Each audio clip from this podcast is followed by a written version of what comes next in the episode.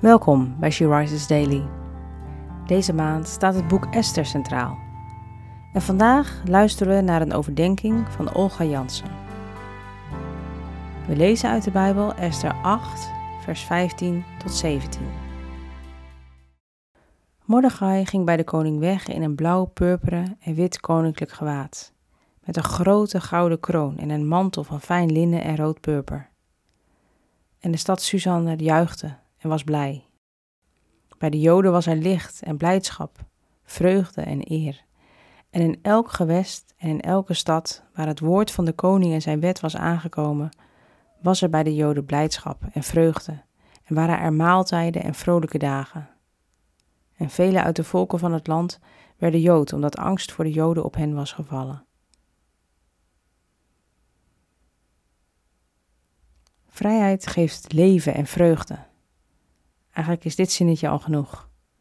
Of misschien nog beter, Jezus aannemen geeft vrijheid en vrijheid geeft leven en vreugde. Het evangelie in de notendop.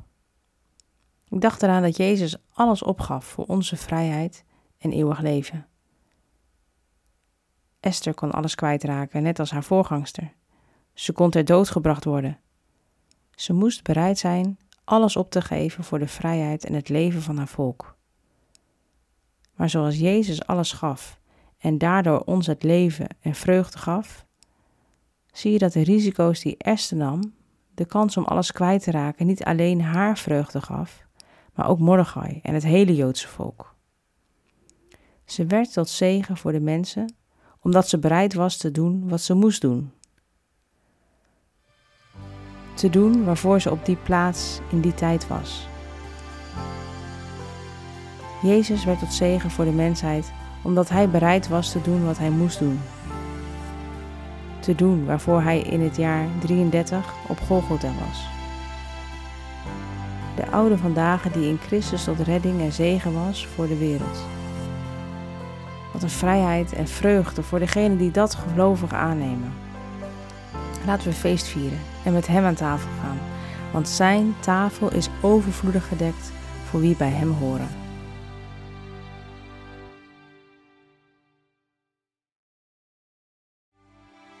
Je luisterde naar een podcast van She Rises. She Rises is een platform dat vrouwen wil bemoedigen en inspireren in hun relatie met God. We zijn ervan overtuigd dat het Gods verlangen is dat alle vrouwen over de hele wereld Hem leren kennen.